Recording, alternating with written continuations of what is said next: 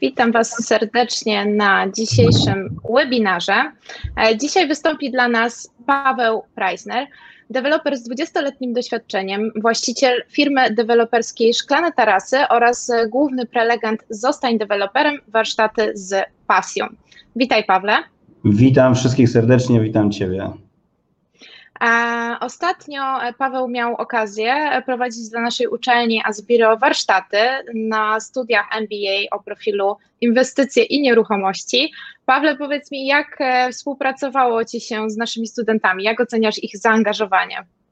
E, powiem od strony takiej praktycznej, technicznej, a jednocześnie od strony, która mnie bardzo zaskoczyła, to przede wszystkim nie tylko zaangażowanie, ale widać, że jest tam grupa ludzi, która już coś przerobiła, która ma wiedzę, która, e, która jest żądna takich e, pikantnych szczegółów dotyczących branży, w której, w której się poruszam faktycznie od 20 lat. I to było coś niesamowitego, jeśli chodzi o taką relację i komunikację, która się pojawiła na sali. To też, to też dawało możliwość do zrobienia takiego kroku dalej, zrobienia E, kilku takich warsztatów, e, takich praktycznych, można prawie że praktycznych w zakresie pozyskiwania gruntów czy, e, czy strategii marketingowej w inwestycjach deweloperskich. Bardzo składny zespół, bardzo fajna i wymagająca grupa, ja takie uwielbiam, więc, więc dla mnie to po prostu była, był miód w sercu. Super, cieszę się bardzo w takim razie. Dzisiaj Paweł opowie nam o tym, jak skalować biznes deweloperski. E, na wstępie chciałabym zapytać Cię o to, jak wyglądały Twoje początki e, w deweloperce i jak to wszystko przebiegało, jak rozwijała się Twoja kariera. Moja kariera tak naprawdę zaczęła się od przede wszystkim od gastronomii. A ci wszyscy, którzy mnie tam znają, to, to na samym początku przez, e, przez pierwsze, pierwszy okres prowadzenia działalności gospodarczej było to związane przez dwa lata jako działalność właśnie gastronomiczna. E, produkowałem ogórki kiszone i kapustę kiszoną, a później przeszło to na, na produkcję i, i sprzedaż produktów gastronomicznych w postaci pierogów, krokietów, gąbków, no wszystkiego tego, co się nazywa małą gastronomią. I to był też moment, w którym po, po dwóch latach zrozumiałem, że właśnie to jest jedna z branż, może nielicznych, której, w której skalowanie biznesu e, wymaga już nie tyle co poświęcenia, bo każdy biznes wymaga poświęcenia, ale e, wymaga e, przede wszystkim no, ogromu wiedzy, poświęcenia czasu i i tak naprawdę zaangażowania się. Jeśli ktoś prowadzi z Was gastronomię, to, to wie o czym y, na pewno mówię. Później pojawiły się pierwsze nieruchomości, zacząłem od garażu, następnie, następnie y, sprzedałem ten garaż, wybudowałem pierwszy dom, miał być on mój, ale okazało się, że, y, że, że w cudzysłowie wykiwałem rodziców i, i nie zamieszkałem w nim, chociaż budowałem to ze swoich środków. Mm, ale ponieważ miałem 19 lat, to, to, to myśleli, że już będę przeszedł na swoje. E, następnie wybudowałem pierwsze bliźniaki, szeregówki, później przeszła cała historia w budynki, e, w tych szeregówek około 100, następnie e, budynki wielorodzinne, obecnie galerie handlowe, hotel, przestrzenie takie coworkingowe. Dużo się tego dzieje, dużo się wydarzyło, tych doświadczeń takich budowlanych, inwestycyjnych, a przede wszystkim zarządczych, myślę, że nazbierałbym y, masę.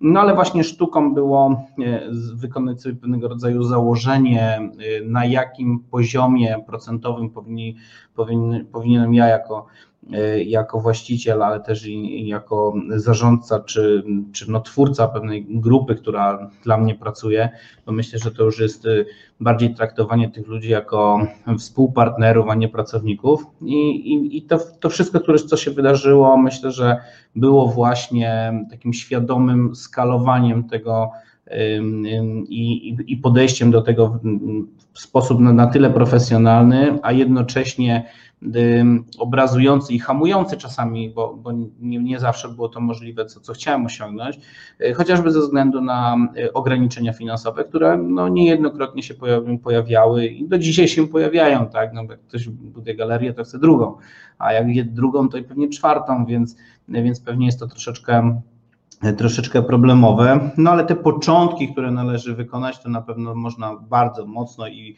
i łatwo określić, do czego się dąży mm, i w jakich, w jakich procentach należy to, to zrealizować. Mhm. A tak nawiązując do tych początków, e, właśnie takie porady dla początkujących deweloperów. Jakich e, porad byś udzielił komuś, kto zaczyna?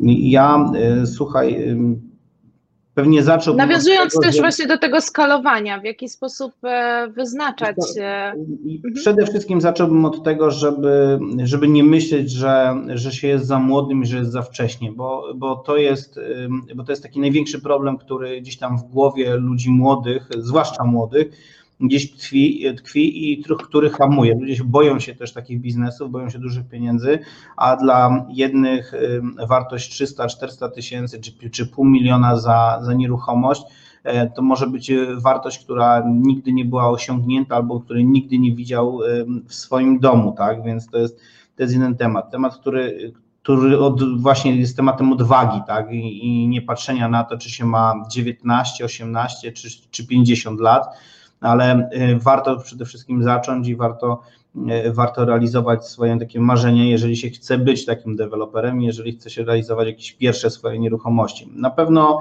e, temat ciężkiej pracy, to, to co mógłbym podpowiedzieć, to jest, to jest realizacja pierwszych inwestycji. Jest to realizacja nie tyle, nie tyle wielkich inwestycji, co przemyślanych i realnych do udźwignięcia w zakresie nawet i psychicznym, bo, bo powiedzmy sobie szczerze, że człowiekowi może odbić przy wielkich, przy wielkich kwotach, które pojawiają się, pojawiają się na koncie, różnego rodzaju problemów, które się pojawiają, no niestety jest bardzo, ale to bardzo dużo. Jeżeli kogoś zaleje od razu taka taka fala e, nowości, to może naprawdę się pogubić, zwłaszcza w głowie, więc, więc e, pewnie ciężka praca i takie skalowanie, krok za krokiem, rozwijanie się, a nie od razu wrzucanie na głęboką wodę. Po prostu ta głęboka woda niestety może, e, może podtopić albo nawet i i, i to życie zabrać, więc, więc pewnie to jest taki temat, który bym bardzo mocno, na który bym bardzo mocno zwrócił uwagę. No i żeby to oczywiście dźwignąć to wszystko,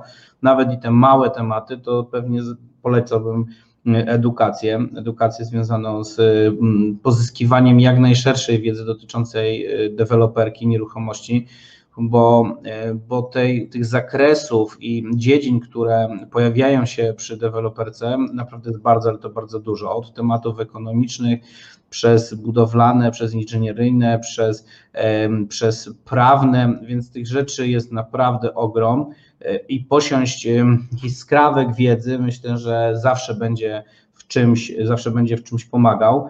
Ja osobiście zaczynałem od, od bardzo szybkiej edukacji w zakresie e, realizacji pierwszych inwestycji i uczenia się na własnych błędach, tych, na własnych błędach. Tych błędów w życiu biznesowym trochę mi się przydarzyło. Opowiem Wam dzisiaj o tym, e, jeżeli no ktoś właśnie. będzie zainteresowany, ale, ale już wracając jeszcze tylko odpowiadając na, na pytanie, przede wszystkim, e, przede wszystkim pierwsza realizacja i wyciąganie wniosków z błędów, które, które mogą E, mogą niestety przynieść nawet wieloletnie problemy, a nawet sądowe, a niekiedy, e, niekiedy te, te problemy mogą za kimś iść przez całe życie. A ponieważ nieruchomości to duży biznes, deweloperka jeszcze większy, to, e, to warto, żeby właśnie nie porywać się na tą wielką wodę, bo może się okazać, że, że w tej wielkiej wodzie jest dużo więcej możliwości popełnienia błędów, więc lepiej małą łyżeczką, ale, ale, ale stale. Czyli podsumowując, należy mierzyć wysoko, edukować Jasne, się, oczywiście, trzeba e, dużo pracować, e, no i do tego też zachowywać jednak mimo wszystko tą pokorę e, w sobie. A jednocześnie e, mhm. warto, warto podejmować ryzyka, tak? Jeżeli tych ryzyk nie podejmujemy, no to nie jesteśmy w stanie w ogóle do, dojść do, do, do tego celu. To tak wiesz, jak chodzenie po górach, tak? Już jesteś blisko szczytu, ale wieje, jest mroźno i ci, i, ci, i zgubiłaś buta. No, no, i, no i co dalej? Idziemy czy zostajemy? No i to, to jest tak mniej więcej to samo, tak? Że albo idziesz i zdobędziesz szczyt mimo bólu, albo, albo niestety niestety wracasz do domu, gdzie, gdzie, gdzie potem nie możesz się pochwalić, że byłaś na szczycie. To jest jeden temat. Problem jest taki, że za tym szczytem jest następny szczyt i, i to jest właśnie nie, nie tylko skalowanie, i, ale e, przede wszystkim ambicje. No i, i to jest kwestia. I właśnie, mierzenie wysoko, ale mimo wszystko e, wracamy właśnie tutaj do tego skalowania, które jest bardzo istotne w tym biznesie. Powiedz mi, Pawle, na co należy zwrócić uwagę przy właśnie określaniu rentowności inwestycji?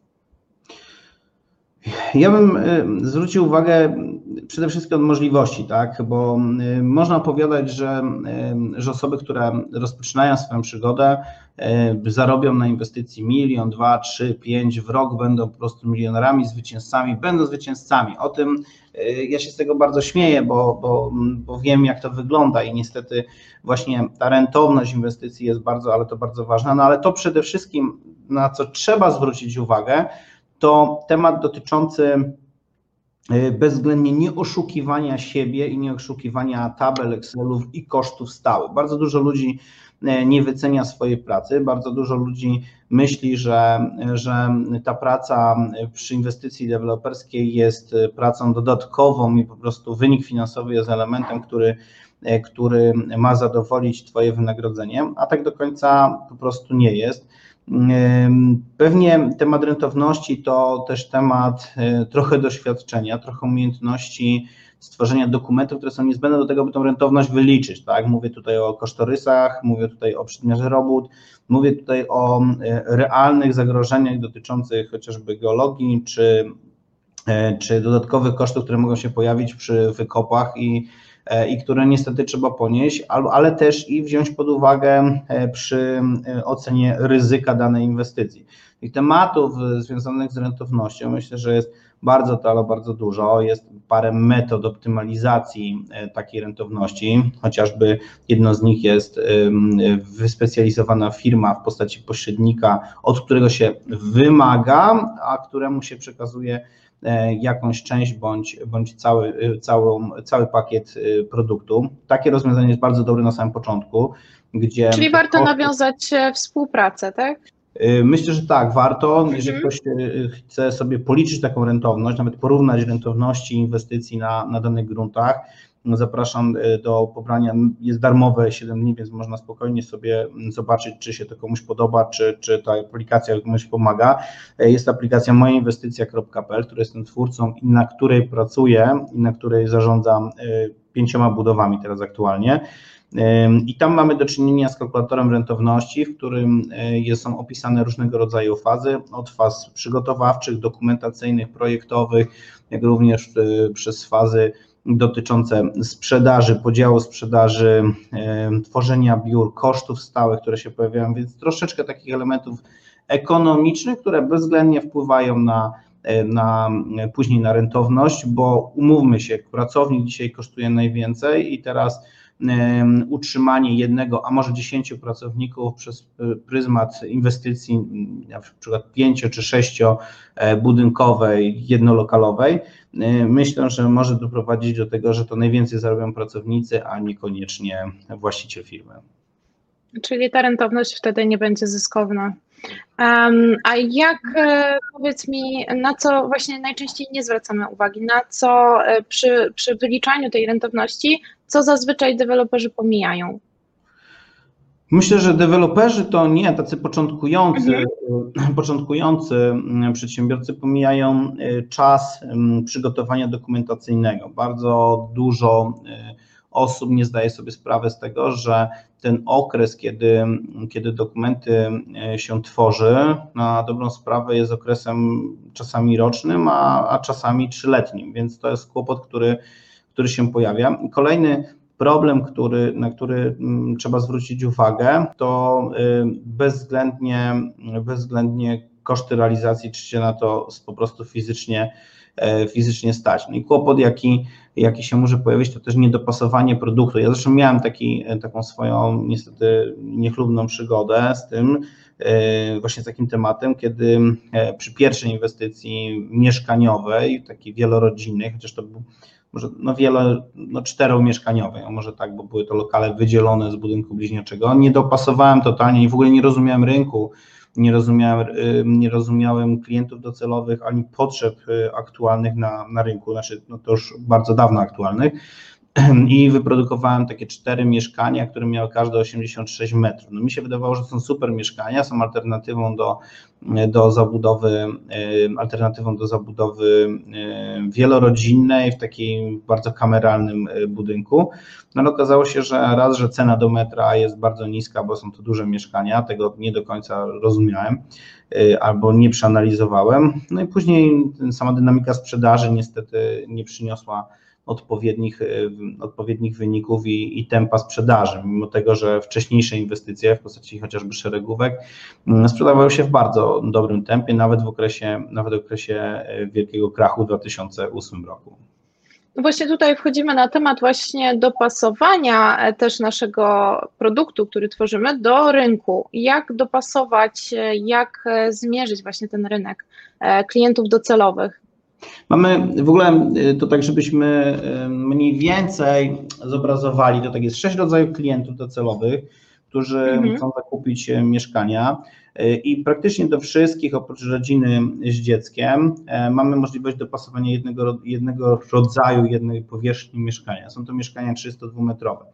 Więc y, pierwszym elementem na pewno jest klient i, i tutaj jest y, bardzo ważne, by, by gdzieś się nie pogubić, tak? Jeżeli już projektujemy pierwszą inwestycję, żeby gdzieś wiedzieć, komu ją mamy sprzedać, bo to jest w ogóle klucz. No, ktoś ma nam zostawić pieniądze i za produkt, który który mu pasuje. I właśnie tym elementem y, kolejnym przy analizie takiej, takiej inwestycji jest chociażby produkt. Produkt, który należy dopasować e, strukturalnie do potrzeb, w zależności od tego, w jakim jesteśmy regionie, do, dopasowanie do, e, do, e, do takich analiz no, można powiedzieć trochę społecznych, ale przede wszystkim wynikających z chęci zakupowych. Jeżeli, jeżeli dopasujemy takie struktury w inwestycjach, takie struktury ilościowe czy procentowe odpowiednich mieszkań, mówię tutaj o mieszkaniach dwupokojowych, trzy, czteropokojowych albo nawet i mieszkaniach typu apartament, e, to można powiedzieć, że, że odniesiemy więcej niż połowę sukcesu, bo, bo tak mi się wydaje. Więc jeżeli wiemy komu, i wiemy co, no to teraz jest tylko wyznacznikiem lokalizacja, która to lokalizacja ma być, która ta lokalizacja powinna być y, na samym początku, bo to lokalizacja wyznacza nam y, klienta docelowego i produkt docelowy. Zawsze to w ten sposób działa. święta zasada lokalizacja, lokalizacja, lokalizacja zawsze się sprawdza i tutaj nie wymyślimy koła na nowo, ale dopasowanie do lokalizacji klienta, więc jedziemy gdzieś tam po, po, po jakichś polanach, widzimy działkę i wiemy, że obok są domy jednorodzinne albo dwu, dwu, trzy, dwulokalowe załóżmy, no to wiemy, że tam klientem będzie rodzina z dziećmi, a produkt to jest 54-66 m2, 3-4 pokojowe. I dzięki takiemu podejściu wiemy, w co, w co wchodzić przy projektowaniu. Wiemy też, co wchodzić przy, e, przy realizacji mm, tak jakby założeń całego osiedla, ale jednocześnie przy wywoływaniu warunków zabudowy, bo tych planów w Polsce, plan zagospodarowania przestrzennego jest dosyć mało i, i niestety w większości mam do czynienia właśnie z takim e, mikroplanem, czyli wywoływaniem warunków zabudowy, które określają. No ale jak już wiemy co, no to naprawdę już jesteśmy 10 kroków dalej przed konkurencją, bo bardzo dużo ludzi robi to nieprofesjonalnie i bardzo dużo ludzi zaczyna w ogóle deweloperkę przez e, pryzmat e, zer e, albo, albo marzeń o, o, tych wynikach finansowych i później różnie to wygląda. Jedni, jedni sobie radzą, drudzy obniżają cenę, trzeci doprowadzają do życiowych problemów i tragedii, a czwarci, czwarci muszą uciekać z kraju, bo, bo jest im po prostu, bo, bo nie są w stanie wytrzymać różnego rodzaju problemów, które wynikają z mm, okradania ludzi, tak? I, i bo to tak trzeba po prostu brutalnie nazwać i, i ocenić. No i trzeci i ostatni, czwarty element to pewnie cena, tak? Cena, którą trzeba wyjść. Ja osobiście jestem zwolennikiem wysokich cen, ale w zamian za coś. Mm, I myślę, że jest to podejście, które bardzo mocno daje nam możliwość nie tyle oceniania, co, co daje nam możliwość e, tworzenia marki, marki, która później e, wyce, jest wyceniana, a jednocześnie doceniana i która czasami ma potyczki, czy czasami ma potknięcia, ale tak naprawdę się może broni, a może, e, a może też i daje Czyli możliwość cena, wyższych wyników finansowych. Czyli e, cena, właśnie tutaj tak e, chciałam nawiązać do, do wyceniania danej nieruchomości. Cena powinna według Ciebie iść w parze z jakością, prawda?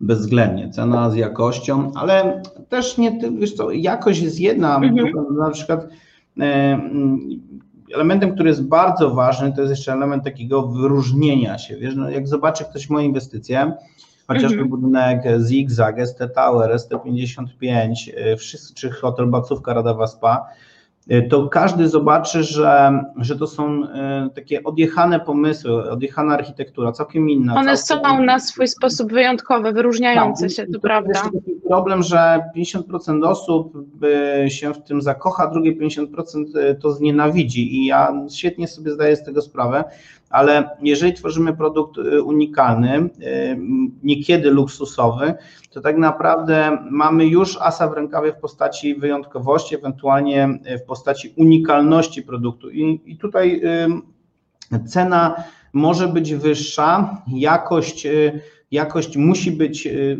rozsądna. Ja nie mówię, że, że, że wiesz, wszędzie muszą być marmury, tak, ale ale musi być jakość, która, która się obroni, jeżeli chcemy wejść w dobra luksusowe, y, ale najwięcej się wygrywa tym, że po prostu takiego drugiego y, obiektu nie będzie i, i przez to, że nie będzie takiego drugiego obiektu, ludzie wchodzą w taką strefę ludzi wyróżnionych, wyjątkowych. Każdy chce się z nas wyróżnić, widać to po, no, po wielu osobach, jeśli chodzi o o ubiór, ale, ale też i sposobie bycia, sposobie mówienia, sposobie y, y, poruszania czy zwiedzania, czy bycia w jakimś danym towarzystwie.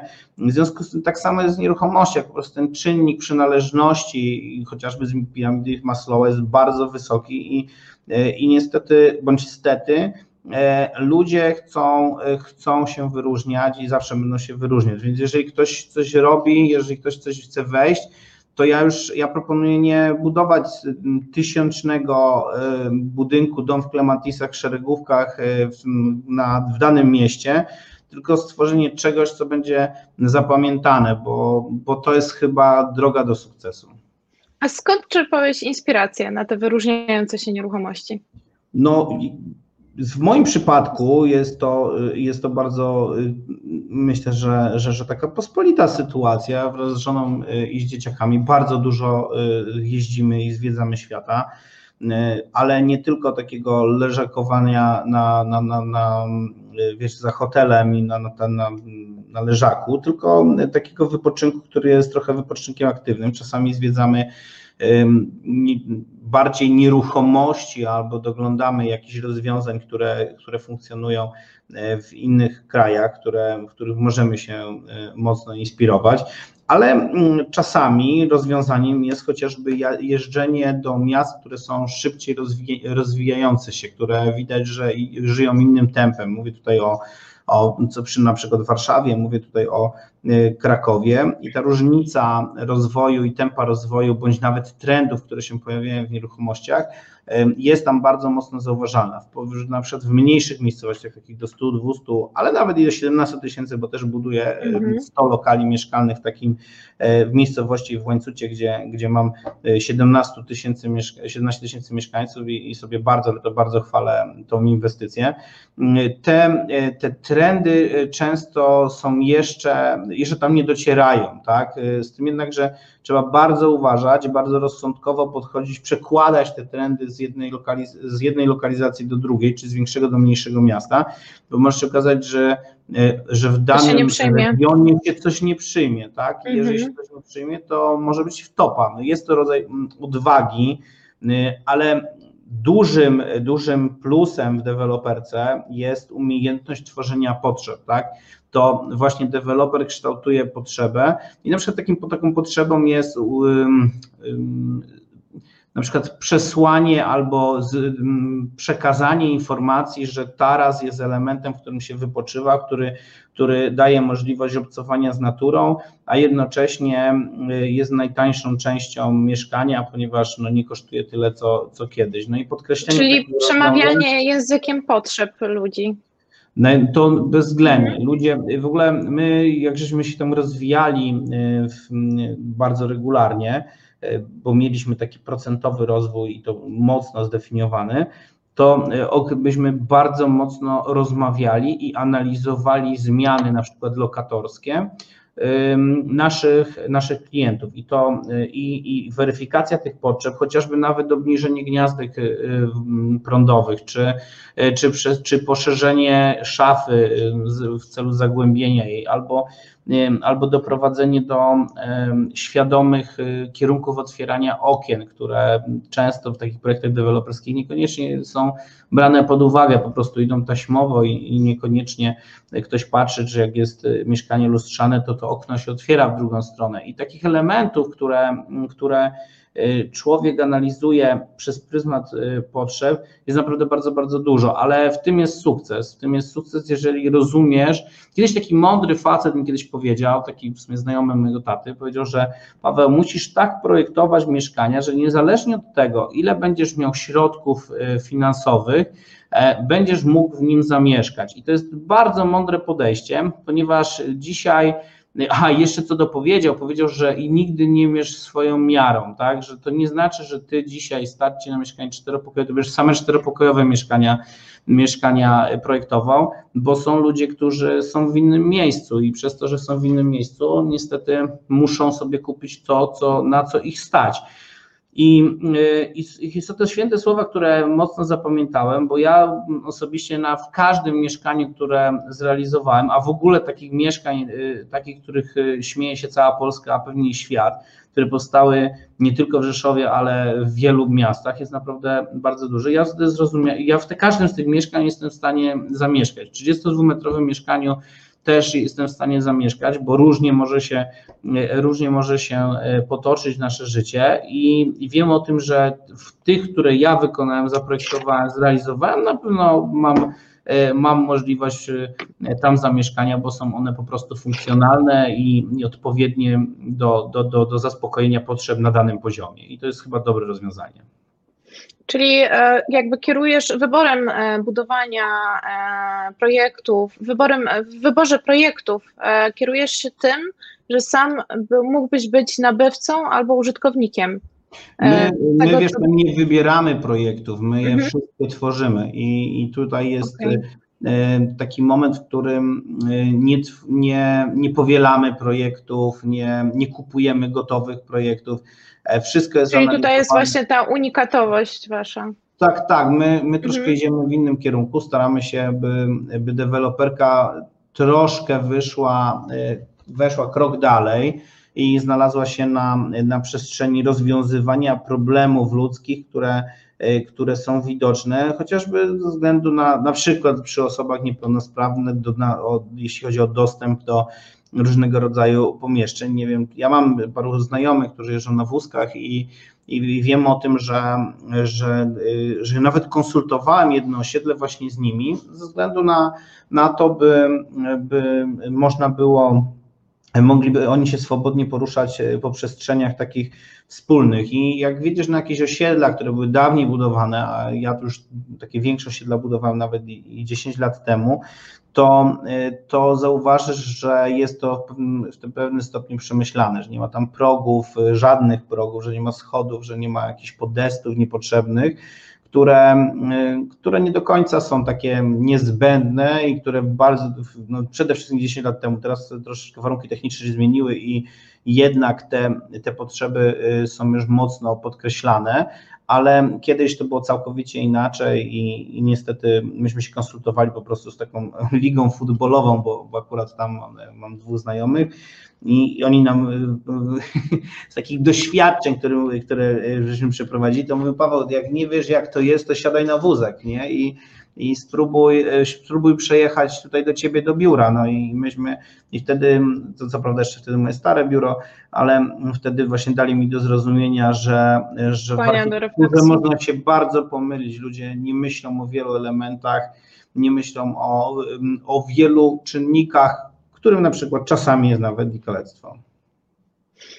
A tak jeszcze e, wracając do e, aspektu, e, o którym mówiłeś, czyli o budowaniu, przenoszeniu z dużych miast jakby inspiracji na małe miasta, Gdybyś był początkującym teraz deweloperem, to e, celowałbyś właśnie raczej swoje początki w małych miastach, czy raczej kierowałbyś się na głęboką wodę i próbował budować w miastach już bardziej rozwiniętych, większych? Ja pewnie bym podszedł do tego trochę dwutorowo. Pewnie jeden temat, jaki bym mm, przeanalizował, to, to jest temat związany mm, z wiedzą. Tak? Jeżeli miałbym dzisiaj wiedzę taką, jak mam, albo byłbym wyedukowany, albo e, miałbym doświadczenie, które, które no nie wiem, załóżmy, że, że, że, że gdzieś biznesowo bym zbankrutował, no bo różnie może być, tak? to, mhm. E, to pewnie bym poszedł na głęboką wodę. To, to jest e, więcej niż pewne, ale bym poszedł na głęboką wodę na pewnie na mniejsze inwestycje. Ale zawsze na, na przykład na warsztatach deweloperskich czy, e, czy na Akademii Deweloperskiej, no wszystko, na wszystkich takich spotkaniach, które gdzieś tam się pojawiam, to raczej sugeruję, żeby małą łyżką, małą łyżką, ale sukcesywnie. I tutaj zdradzając jakby założenia, u nas w firmie wygląda to w ten sposób, że myśmy co rok y, mieli plan zwiększenia przychodów ze sprzedaży nieruchomości o 100%. To jest, to jest bardzo fajne rozwiązanie. Do momentu, kiedy masz jeden dom i budujesz dwa, to ok, dwa, cztery, super. 4,8 już się zaczyna, 8,16 to już, już człowiek tak zaczyna w ogóle mm, w jakimś stopniu pewnie, pewnie się zastanawiać. No jak już dochodzi do setki, za rok masz zrobić 200, no to już się zaczyna jazda. To jest jeden temat, ale zacząłbym, ja bym zaczął od mniejszych miejscowości, chociażby ze względu na i, i małych projektów, e, chociażby ze względu na mniejszą konkurencję, tak? I nie walczenie e, ceną, a walczenie w ogóle produktem i tym, że taki produkt się pojawił. Tylko najpierw bym mocno przeanalizował e, potrzeby w danym regionie, tak by wybudować coś, co się sprzeda w dziurze w ziemi. I, I, myślę, że wtedy też rozwiążemy e, problem e, Tomka, który pisze nam tutaj na czacie, który pisze, jak sfinansować pierwszy projekt deweloperski. I, I, pewnie bym dzięki temu e, uzyskał na tyle mocną dynamikę sprzedaży, że robiłbym dźwignię finansową dotyczącą finansowania Twoich inwestycji czy swoich inwestycji przez klientów już takich docelowych. Nawet kosztem mniejszej marży albo nawet kosztem y, uzyskania doświadczenia, może oczywiście nie, nie finalnie na stracie, ale na, na jakimś tam mniejszym wyniku albo procentowo mniejszych, y, mniejszych y, rentownościach, ale rozwiązanie rozwiązanie funkcjonowania miejsc w przestrzeniach i świadomość lokalizacji produktu klienta docelowego, e, myślę, że żeby to wygrało i pewnie, e, pewnie bez środków wielkich zewnętrznych bym e, wiedział, jak zrealizować takie przedsięwzięcie. A jeżeli chodzi właśnie o, o tą lokalizację, jeżeli chodzi na przykład o sam grunt, na którym mamy zamiar budować, E, czy jesteśmy w stanie skalować e, opłacalność inwestycji właśnie na podstawie gruntu? Tak, wiesz, e, jest taki moment w firmie deweloperskiej, kiedy skalowanie przez pryzmat gruntu jest, no nie powiem, że bardzo ważne, ale jednym z najważniejszych elementów. Dużo łatwiej jest sprzedać mieszkania w czterech różnych lokalizacjach, niż sprzedać tą samą ilość mieszkań w jednej lokalizacji. Po prostu klient, y, który chce kupować, y, jest nastawiony na, mm, na jakąś daną przestrzeń, w której chce żyć. I jeżeli wyskalujesz sobie biznes, y, załóżmy, że masz 100 mieszkań, tak? Taki prosty przykład że chcesz wybudować 100 mieszkań i w jednym miejscu chcesz sprzedać 100 mieszkań i ta sprzedaż nie ma takiej dynamiki, jaką byśmy chcieli, zwłaszcza na początkowej fazie, typu przedsprzedaży i sprzedaży, e, otwarcia sprzedaży. Ale wyobraź sobie, że jakiś procent tej dynamiki się pojawia, załóżmy, że to jest 50% inwestycji, czy, czy załóżmy 30% inwestycji, ze 100 mieszkań daje nam 30 mieszkań, a wyobraźmy sobie, że tworzymy w czterech lokalizacjach y, taką samą inwestycję, dalej to jest 100 mieszkań i w każdej z inwestycji mamy 30, nawet 40% sprzedaży i do tego, y, ale przede wszystkim pozyskujemy innych klientów, których nawet czasami możemy namawiać na inną lokalizację.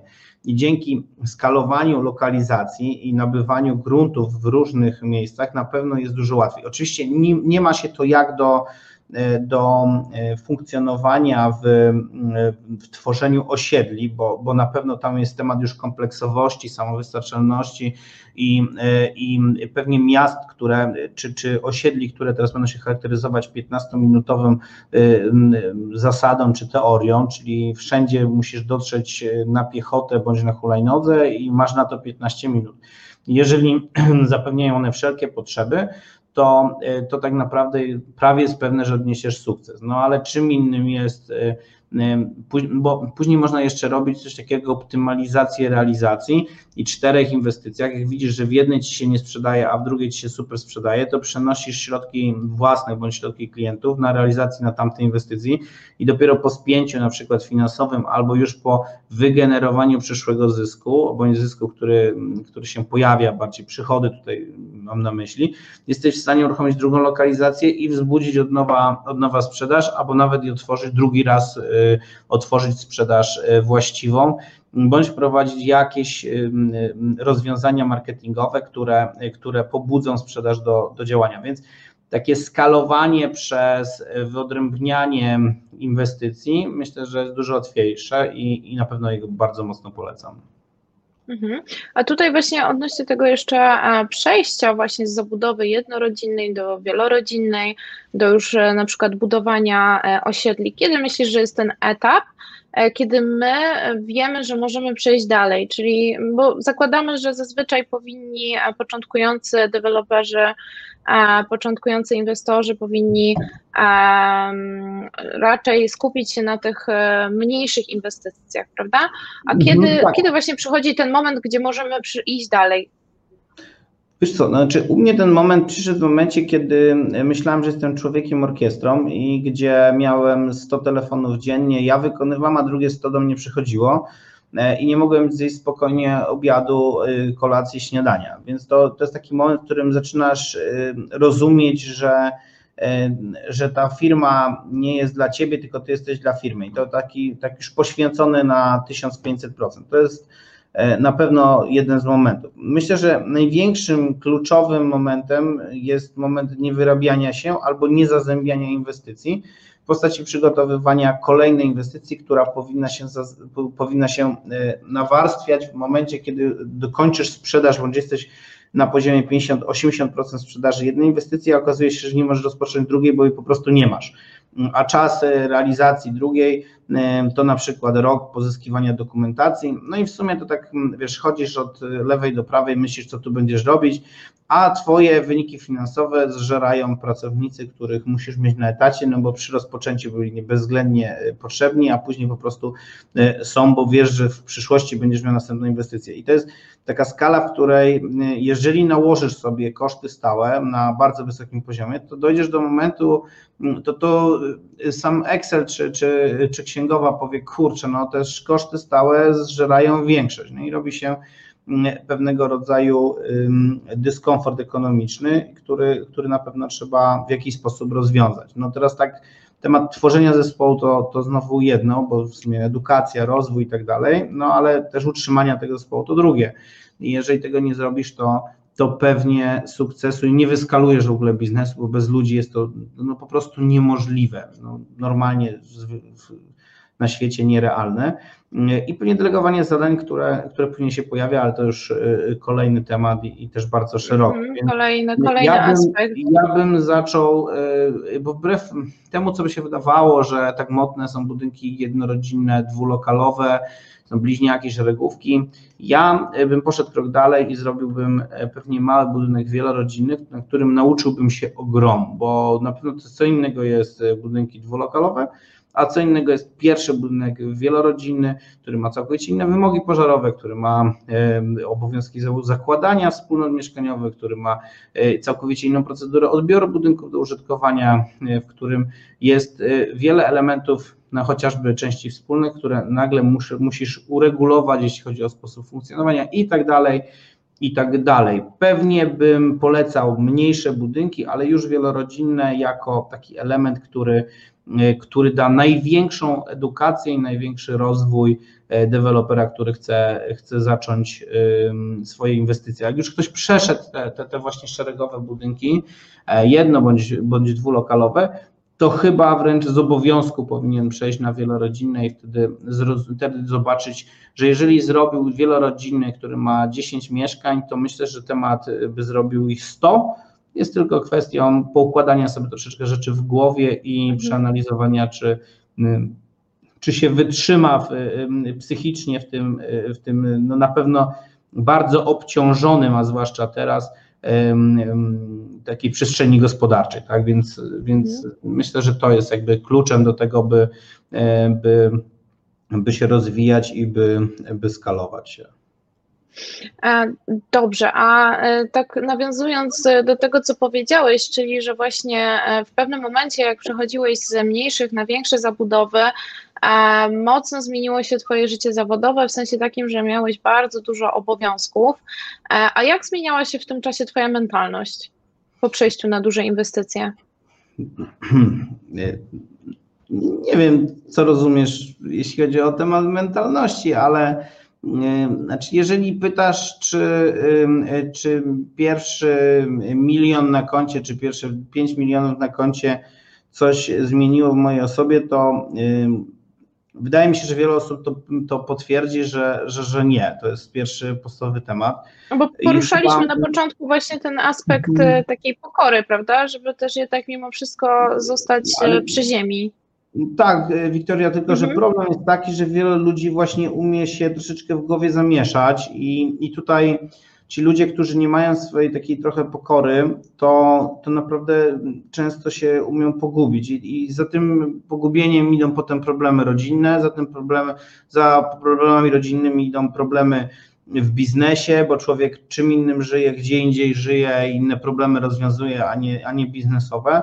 I uważam, że, że, że chyba no, że, że, największą sztuką jest poradzić sobie w głowie z kwotami, które się pojawiają, bo naprawdę umią nas zmieniać, y, chociażby ze względu na, y, na sposób bycia, chociażby ze względu na potrzeby, które nagle stają się y, jakieś kuriozalne w postaci jachtów i, i, i samolotów.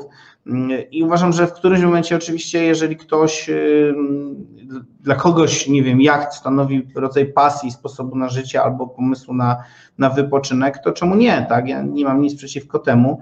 Mm, zresztą też mam pewien, pewien rodzaj fanaberii gdzieś tam sobie w głowie i, i nie tylko.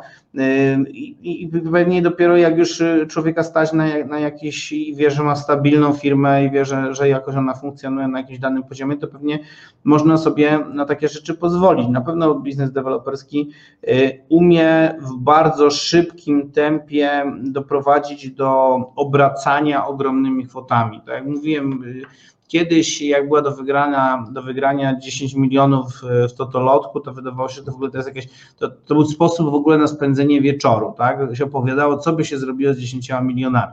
A y, dzisiaj jakby ktoś mi powiedział, że w następnym roku zarobię 10 milionów, to zastanowiłbym się, co w takim razie zrobię źle i dlaczego będzie spadek. I, i to jest y, to jest temat, myślę, że temat rzeka, tak? Chyba kluczem jest też rodzaj wychowania i, i troszeczkę doprowadzenia do, do pewnego rodzaju gdzieś stąpania mocno po ziemi, a ja y, miałem już też i, i duży kryzys w postaci kryzysu finansowego związanego z 2008 rokiem, kiedy te nieruchomości, może, może część pamiętam, może część nie, chociaż jak byłem na wykładach, to raczej widać, że są to osoby, które, które y, przeżyły i ten 2008 rok już pracując zawodowo, więc, więc, więc powiem uczciwie, że zawsze pamiętam ten moment, kiedy musiałem sprzedawać dom, kiedy musiałem sprzedawać swój samochód, kiedy musiałem postawić wszystko na jedną kartę, obciążyć się we frankach po to, żeby e, dokończyć inwestycję, której nie mogłem dokończyć. I na pewno był to bardzo duży, duży problem i, e, i, i gdzieś pamiętam ten moment i na pewno go nie zapomnę. Jeżeli ktoś e, myśli, że cały czas będzie high life, jeżeli ktoś myśli, że cały czas będzie, wszystko będzie szło do góry i nie będzie jakiegoś tąpnięcia, albo że podatki będą jasne, miłe i klarowne i będziemy wiedzieć, jak zaplanować różne rzeczy, no to się dalej głęboko myli, więc jeżeli ktoś chce e, inwestować w nieruchomości, a zwłaszcza w dużą deweloperkę różnego rodzaju, to myślę, że powinien zacząć od pokory to przede wszystkim że powinien zacząć od pokory i gdzieś troszeczkę ustabilizować swoje emocje i, mm, i jakąś taką chęć, chęć posiadania dóbr konsumpcyjnych. Mhm.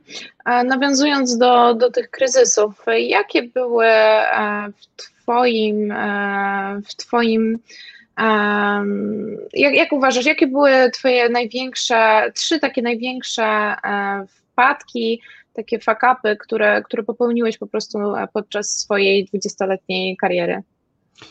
Pierwszy fakap i, i to, to jest na pewno temat, który połączę może może z tym, co żeśmy rozmawiali, to pierwszy to był taki, że ja zawsze myślałem, że jestem za młody do tego, co robię. To jest y, mhm. jeden z pierwszych takich fakapów, ale myślę, że to, y, że to jest jako temat, który, który gdzieś tam tkwi właśnie w głowie.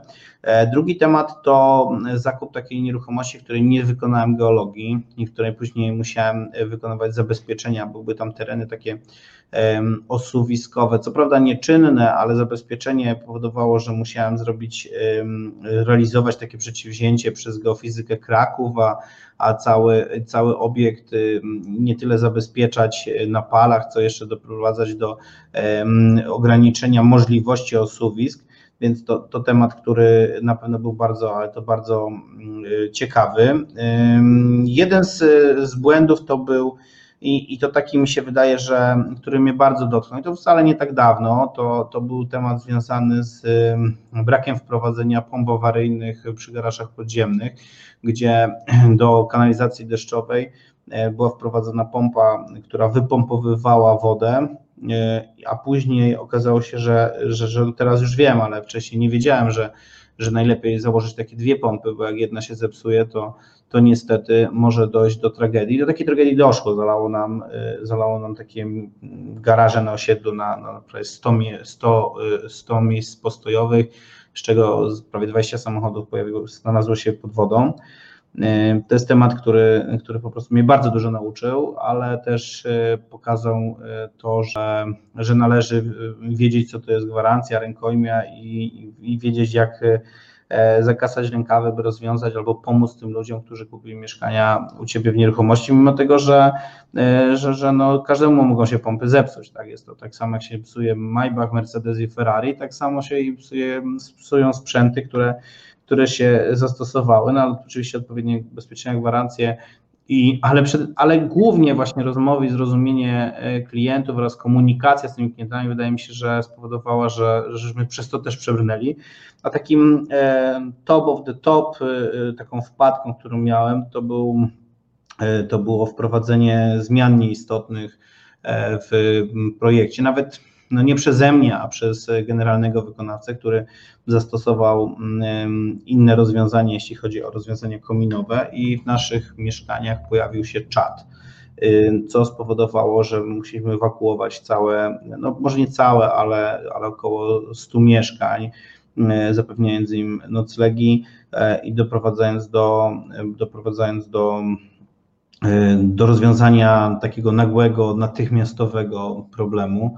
E, który, który się pojawił i to naprawdę w sposób no, no totalnie nieprzewidziany, w, przez nikogo nie zaplanowany, a który e, mógł nieść ze sobą no przede wszystkim no, tragedię, tak, więc, więc to jest taki temat, który uważam za, e, za moje jedne z większych może porażek, ale największe, największe nauki, tak, też mhm. mogę powiedzieć, że to jest moment, w którym nauczyłem się zarządzać kryzysowo w inwestycjach deweloperskich, a takie tematy też się zdarzają. To nie można z tego, tego, tego uniknąć. A z takich śmiesznych rzeczy to był, e, to był chociażby cztery razy przekładana ściana e, działowa ze względu na zmiany lokatorskie, które zażyczyło sobie przyszłe małżeństwo, a finalnie przyszła teściowa i powiedziała, że ma być tak, jak ja chcę, bo ja płacę, więc ja wymagam. No i to, to z takich ciekawych rzeczy, które, czy śmiesznych, które, które gdzieś się pojawiły i to, się, i to mnie nauczyło, że nie wolno wprowadzać bezpłatnych zmian lokatorskich albo w cenie mieszkania, bo klienci umieją to też e, świetnie wykorzystać. Mhm. E, czyli generalnie z, e, takie, z takich błędów, żeby wyjść, to po prostu e, też jeden, jeden z najważniejszych aspektów jest ta komunikacja, prawda? Komunikacja też z klientami, żeby, żeby wybrnąć, bo tutaj właśnie pojawia się moje kolejne pytanie. jak zadbać właśnie o to dobre imię marki, że gdy nawet nam się um, coś pójdzie nie tak, popełnimy jakiś błąd e, na etapie na przykład właśnie budowania jeszcze tej marki, e, to jak właśnie utrzymać to dobre imię? Znaczy, to jeden właśnie z rozwiązań to jest przede wszystkim współpraca z profesjonalistami, mhm. tak? I jeżeli już się coś złego wydarzy, to sztuką jest, my żeśmy na przykład tak to rozwiązali, bo, bo może są lepsze metody, ja, może, znaczy ta zadziałała, a, a czy są lepsze, może tak, no, niekoniecznie znam. Myśmy tworzyli takie zespoły kryzysowe z, z powołaniem e, inspektorów budowy, z powołaniem e, inspektorów branżowych, e, generalnych wykonawców, podwykonawców, branżystów i naszym prawników, wspólnoty, zarządcy, więc to były takie zebrania 15-osobowe, których czasami żeśmy nagrywali, co się dzieje i, i żeśmy to, to z nagrania przekazywali, ale najczęściej robiliśmy notatki, które te notatki trafiały do grup, do grup osiedlowych z informacją, co żeśmy ustalili, co żeśmy zalecili, w jakich terminach będziemy co wykonywać, na jakich zasadach i co będziemy robić, kto za to odpowiada i do, jaki jest numer telefonu do tej osoby, która za to odpowiada. Więc, więc takie dział, umiejętność funkcjonowania w takich, takiej grupie kryzysowej jest y, bardzo, ale to bardzo ważne y, i nie ukrywam, że, że myśleliśmy, nam przebrnęliśmy przez ten, przez ten etap i myślę, że to taka największa nauka, ale właśnie tworzenie marki i czasami nawet powiedzenie, że się coś spieprzyło, po prostu y, jest dużo bardziej wartościowe y, i, i taka szczera wypowiedź być prawdziwa, niż zatajanie czy, czy nieodzywanie się, czy, y, czy udawanie, że śnieg pada. W związku z tym lepszym o wielokroć jest, jest szczerość i prawda, niż, niż kręcenie i mataczenie, bo, bo na pewno kłamstwo mm, a ta komunikacja może bardzo to dobrze, y, bardzo e, ten temat y, no, ułatwić, tak, albo nie doprowadzić do chociażby do, do pojawienia się na pierwszych stronach gazet czy, czy w uwadze, tak, więc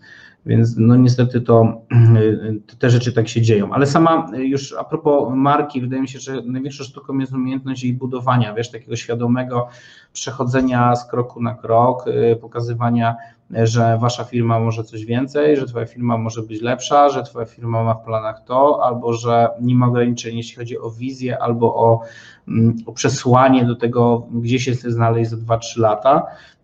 Na przykład takim elementem budowania marki u nas było stworzenie najwyższego wieżowca w Rzeszowie swego czasu, y, takiego, który, e, który był inspirowany pomnikiem rzeszowskim i który miał być, miał być y, nawiązaniem architektonicznym właśnie do, do, do, do, do pomnika czynu rewolucyjnego. Więc, więc tych, y, tych takich elementów, które wspierają markę, które później poprzez różnego rodzaju działania tą markę budują, i nie opartą tylko na, wiesz, na marketingu takim sprzedażowym czy wizerunkowym, ale właśnie też opartym na rozwiązywaniu problemów, reklamacji rękojmi, które przez 5, a czasami 10 lat niestety za nami się ciągną.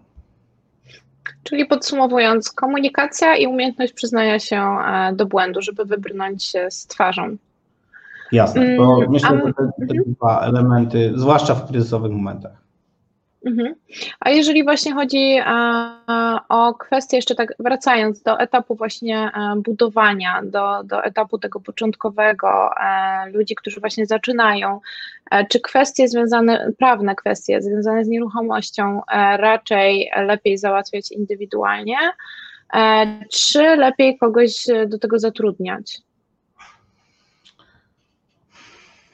No ja powiem tak, no, są chyba no, dwie metody, tak? W jednej, gdzie, mhm. gdzie jesteś człowiekiem trochę orkiestrą i cały czas zagłębiasz się w temat, w którym to te wszystkie elementy, aspekty prawne w zakresie kodeksu postępowania administracyjnego wszelaki, na wszelakim poziomie, na wszelakim problemach załatwia się samemu. Y, prawda jest taka, że uczy się jak wtedy ogromu tematu i w ogóle kształci się w sposób naturalny ja taką drogę przechodziłem, gdzie, gdzie właśnie te to małe, małe inwestycje, kolejne, kolejne, uczyły mnie czegoś nowego.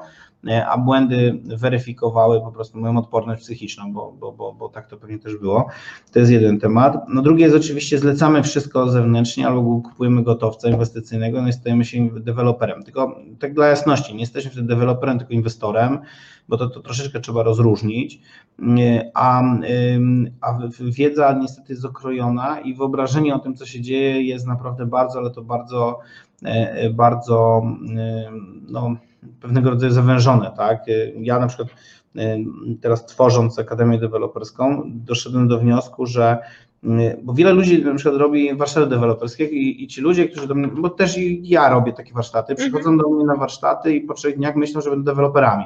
Ja w ogóle zaczynam te, te warsztaty mówiąc, że po trzech dniach nie będziecie deweloperami, tak? Że, że, że to jest takie miejsce, w którym nie ma szans, żebyście byli po trzech dniach deweloperami. No, no i to wtedy na sali się robi taki trochę popoł, że na kurczę, zapłaciliśmy tyle tysięcy złotych, a Preisner tu zamiast nam powiedzieć, że będziesz zwycięzcą i zarobisz milion na pierwszej inwestycji, to nam mówi, że się do tego nie nadajemy, tak? I a ja mówię, że a ja wcale nie mówię, że się nie nadajecie, bo, bo, bo wiele też takich opinii słyszałem, tylko mówię, że słuchajcie, y, to jest cholernie ciężki temat, cholernie szeroki, nie da rady go rozwiązać w 18 czy 24 godziny, więc, więc e, słuchajcie, hol, hola, zwolnijcie. Jeżeli chcecie zagłębiać tę tematykę, to dobra, przyjedźcie na akademię i w akademii macie 140 godzin tylko i wyłącznie o nieruchomościach przez podatki, prawo, przez rozwiązania optymalizacyjne, przez architekturę, przez współpracę z, mm, z naczelnikiem z Urzędu Skarbowego, przez rozwiązania księgowe i tak dalej, i tak dalej, i tak dalej, bo nie da rady tego przekazać w pigułce w trzy dni. Po prostu to jest niemożliwe.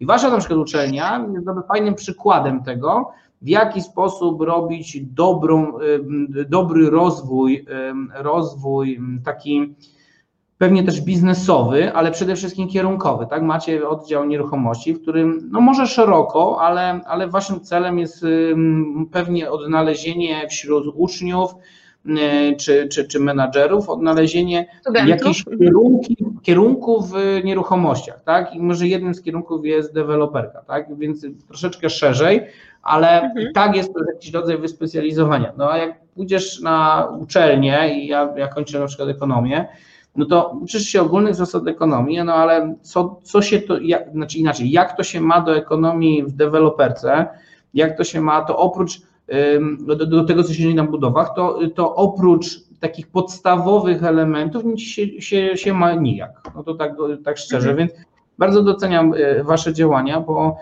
bo przede wszystkim e, pracujecie z praktykami i, i bardzo się cieszę i gratuluję Wam za inicjatywę, dla właściciela, organizatora, szefa, rektora i w ogóle to, to wielkie brawa, że, że można robić coś profesjonalnie i w sposób ciągły, tak, bo, bo nie da rady się wyszkolić na na szkoleniach trzydniowych. Można mieć jakiś zarys, można, można y, ustalić złapać kontekst. Mhm. Tak, złapać kontakt, można y, zobaczyć, na co zwrócić uwagę przy pierwszej inwestycji, można sprawdzić, jakich błędów nie popełnić, można uzyskać y, pewnego rodzaju rozwiązania, które są stosowane. No i teraz jest kwestia tego, czy to wprowadzisz, czy nie wprowadzisz, ale jak wprowadzisz, to, to na pewno osiągniesz pewnego rodzaju przynajmniej większą rentowność niż jakbyś tego nie wiedział i robił to wszystko od początku. Więc tak, to są trzydniowe szkolenia, których, y, których celem jest takim zobrazowanie tego, jak wygląda w ogóle deweloperka. No a właśnie uważam, że akademie czy uczelnie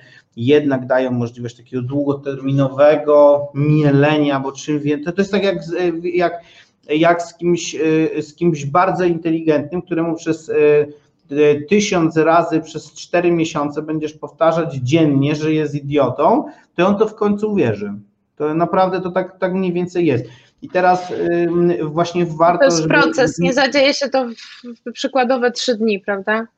Tak, i, i tego nie da, nie, no po prostu nie mam, masz trzy dni takiej edukacja, edukacja, edukacja, mhm ale wyciągnąć albo koncentracja na tym, co, co jest na slajdach, albo co mówi prelegent, myślę, że jest na poziomie 20%, 10% i, i później tylko umiejętność wyciągnięcia tych, tych, tej, tej esencji no jest bardzo trudne, a przypomnienie sobie wszystkiego jest prawie niemożliwe. Na przykład na, na warsztatach robię takie podsumowanie każdego działu i mówię, słuchajcie, to jest bardzo ważne, zróbcie sobie zdjęcie, bo przynajmniej będziecie wiedzieć, o czym żeśmy mówili, a na końcu, jak już będziecie wiedzieć, o czymś mówili, to może sobie przypomnicie, co ten Preisner mówił. I, i, i faktycznie to działa i i polecam w ogóle takie rozwiązanie dla szkoleniowców, którzy to robią, y, robią to na, przez y, trzy dni y, i, i twierdzą, że, że, że uczestnicy będą zwycięzcami. Zbliżamy się już powoli do końca, więc e, może jako wisienkę na torcie właśnie tutaj e, spróbujemy jeszcze wspólnie odpowiedzieć e, na pytania uczestników. Część z nich już jakby została tutaj poruszona, ale na przykład y, tutaj ciekawe jest y, jedno pytanie, czy polecasz na początku łączyć się z innymi inwestorami i na co zwrócić uwagę, właśnie wiążąc się z, z tą drugą czy trzecią osobą? No, y, problem jest taki, że ja nie lubię spółek. To jest, to jest jedna rzecz, która, którą pewnie wyciągnąłem z domu, że spółki służą jednemu ale pewnie celach pozyskania kapitału jest to jeden z rozwiązań. Ja osobiście, jeżeli bym się miał łączyć z kimś, to na pewno z kimś, kto posiada doświadczenie i wiedzę, więc y, nie patrzyłbym y, i niekoniecznie wtedy jest to rodzaj inwestora, bo, bo tak naprawdę mamy do czynienia po prostu z osobą, która no nie, nie zawsze jest inwestorem, a po prostu może nawet nie jest, a może jest praktykiem, który już przeszedł bardzo dużo. Więc jeżeli bym się łączył z inwestorami, czy z osobami, które, które tak zostały nazwane w pytaniu, to na pewno e, zwracałbym uwagę na, na historię, na to, co przeszli, zwracałbym uwagę na ich opinie e, z ludźmi, od, od ludzi, który, z którymi współpracowali, w zakresie chociażby komunikacji, decyzyjności, w zakresie elementów, które na pewno biznes nie poróżnią, a, a zbliżą w przypadku wspólników. To jest, to jest jeden, e, jeden aspekt jeśli chodzi o, o, o to, czy bym, czy bym szukał inwestora. Drugie rozwiązanie jest takie, że, że jeżeli nie masz w ogóle środków finansowych i chcesz wejść w deweloperkę, no to chyba nie masz troszkę wyjścia, tak? bo trochę nie masz wyjścia i, i pewnie ci inwestorzy się muszą pojawić. No ale bardzo dobrym inwestorem jest e, przecież bank i to wcale nie jest powiedziane, że inwestor to musi być osoba prywatna, która coś.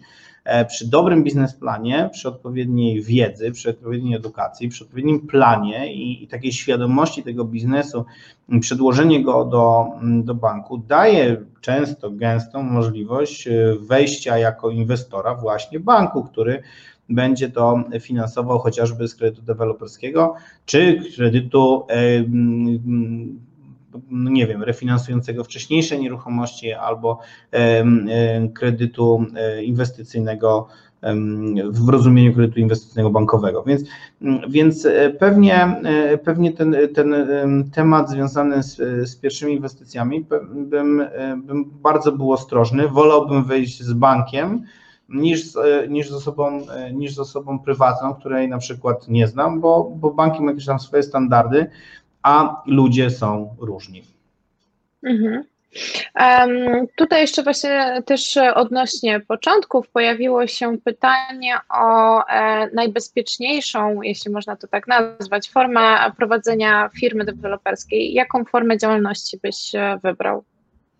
E, no teraz e, prawo tak bardzo się zmienia, że, że nasi rządzący umią wyjść i powiedzieć, że jutro będzie nowy ład społeczny i, i nagle wszystko, co do tej pory było stworzone, nagle będzie zmieniać y, w ogóle swoje, y, swoje, swoje znaczenie. To jest jeden temat.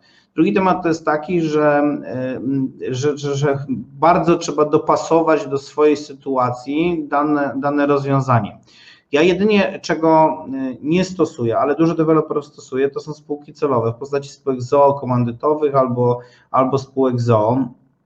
E, no ale ważnym elementem to jest pewnie temat mm, analizy podatkowej bądź wprowadzenie rentowności mm, inwestycji na taki poziom podatkowy, którym chcemy coś tam y, coś ograniczyć. No całkowicie coś in, in, rozmywa się albo inaczej wygląda odpowiedzialność przy spółce ZOO, komandy, z której jesteś komendatariuszem, a całkowicie rozmywa się inaczej, jeżeli jesteś prezesem spółki ZOO komandy, z której jesteś prezesem, tak? Gdzie, gdzie jednak odpowiadasz za swoje decyzje, odpowiadasz swoim majątkiem i, i e, złe ruchy mogą spowodować prawie tak samo e, szeroką odpowiedzialność, jak przy jednoosobowej działalności gospodarczej.